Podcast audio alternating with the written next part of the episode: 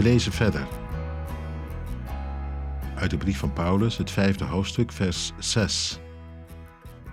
De zoveelste aansporing. Laat u door niemand met loze woorden misleiden.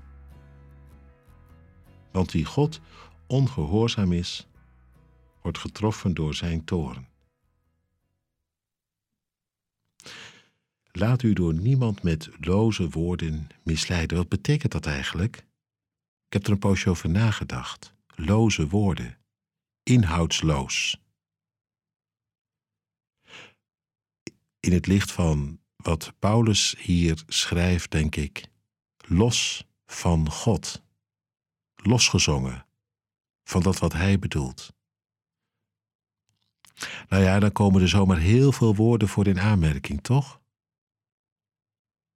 Als ik denk aan wat er allemaal zo voorbij komt op sociale media, maar ook in de bladen waarop je geabonneerd bent of die je toevallig hier en daar leest.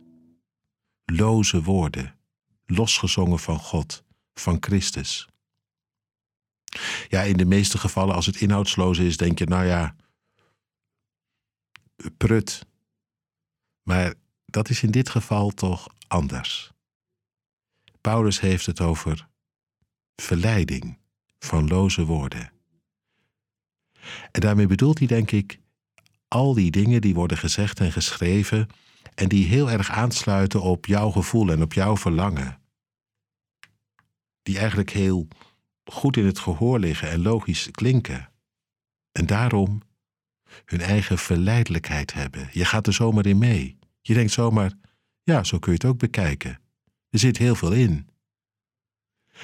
En als je dan niet meer wordt gevoed door de woorden van God, dan zijn het die loze woorden die de toon aan gaan geven. Ik zou ze niet graag de kost geven. Mensen die met de Bijbel in huis zich toch vooral voeden met loze woorden, met ideeën en gedachten die heel verleidelijk zijn en die ook steeds meer de toon aangeven, in plaats dat ze zich laten gezeggen, vernieuwen, scherpen en herscheppen door de woorden van Christus. Misschien moet je het nog eens even nakijken in je eigen leven. Waar laat jij je door leiden, verleiden? Bedenk in ieder geval ook dit, zegt Paulus erbij al die logische ideeën en aannemelijke gedachten die misschien aansluiten bij het verlangen van jouw hart. Dat is niet wat God bedoelt. Sterker nog, het kan zomaar onder de toorn van Hem vallen. Dat Hij er niks mee kan met dat wat jij fantastisch vindt.